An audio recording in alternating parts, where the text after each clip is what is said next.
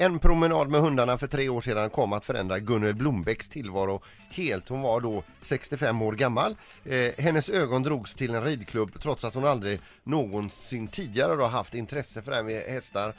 Eh, hon kunde inte släppa blicken på hästarna utan eh, senare så ringer hon till den här ridklubben och så säger hon så här, jag, jag har eh, ridit en gång för 30 år sedan som turist på en, eh, på en shetlandsponny. Det, det är allt. Eh, Finns det någon kurs för mig? Jajamän, vi har en pröva på-kurs.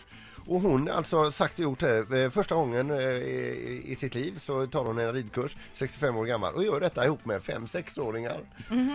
Och idag är hon 68 och äger egen häst. Ja, det är grymt. wow. Det är grymt. Det är Men grymt. någonting med just med ridning och så, det är ju att på film, då kan ju alla rida. Jag såg något avsnitt nu av Walking Dead till exempel och då hittar han en sadlad häst där. Och det är ju käckt att ha när det är zombies ute och går.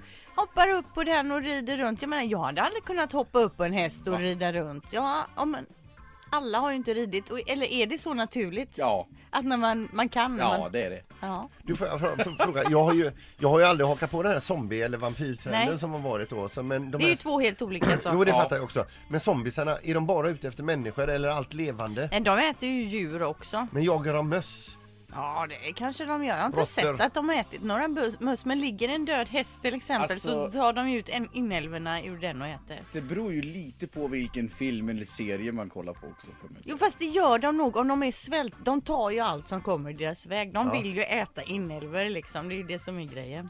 För i så fall skulle man ju Nej. kunna släppa lös en, en zombie in i huset Nu medan måste man är jag- borta om man har problem med möss. Ja. I beg to differ. Alltså, de vill inte äta inälvor. Nej, Nej, de vill egentligen bara bita någon. Det Nej är- de jo, men- står ju och äter men ur du, kroppar. Då frågar jag dig så här då. Om de då biter en människa så att den dör, varför äter de inte upp den så i så Det fall? gör de ju i Ja, men hur kan du då bli zombies?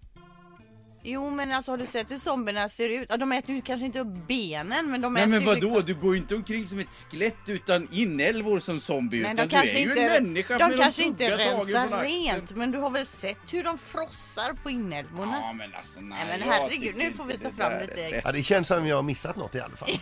Men kul med hästen. Ett poddtips från Podplay. I fallen jag aldrig glömmer djupdyker Hasse Aro i arbetet bakom några av Sveriges mest uppseendeväckande brottsutredningar.